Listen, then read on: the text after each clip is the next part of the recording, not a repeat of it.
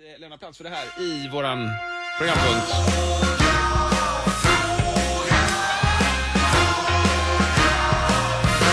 Och idag är det den 2 maj och Miriam Larsson som är eh, Harry Potter-expert. Varför firar man Harry Potter-dagen just idag?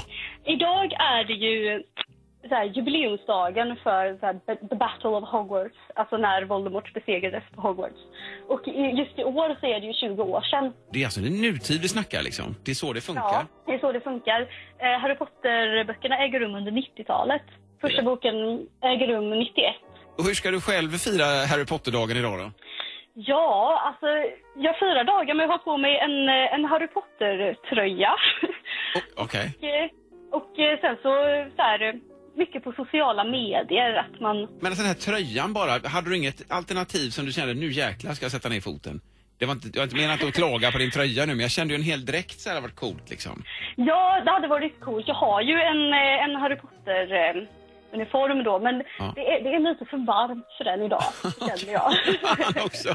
All right. Men du lägger upp saker i alla fall och lyfter upp det här med Harry Potter. Alltså vad är den Ja. vanliga, vanligaste missuppfattningen om Harry Potter, känner du? men det är väl ganska vanligt att folk bara har sett på filmerna kanske och i så fall missuppfattar lite grann att de inte har hela bilden av vad Harry Potter är.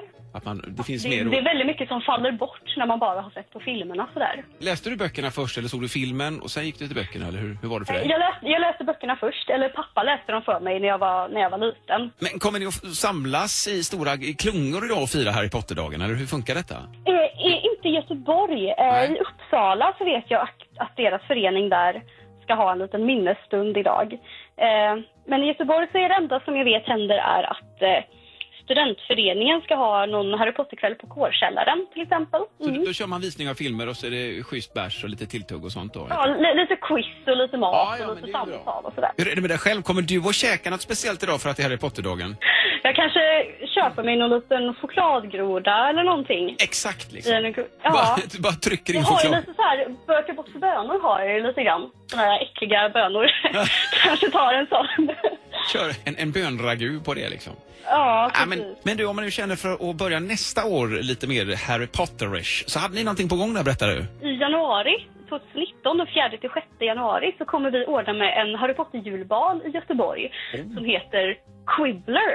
Som ett litet läger med bal. Så om man är sugen på det så får man hålla utkik på sociala medier efter Quibbler. Quibbler helt enkelt i början på 2019. Men Miriam Larsson, Harry Potter-expert, tack för att du var med och Våga Fråga och ha en skön dag idag nu då. Men detsamma. Tack ska du ha. mycket. Fint. Hej. Hej.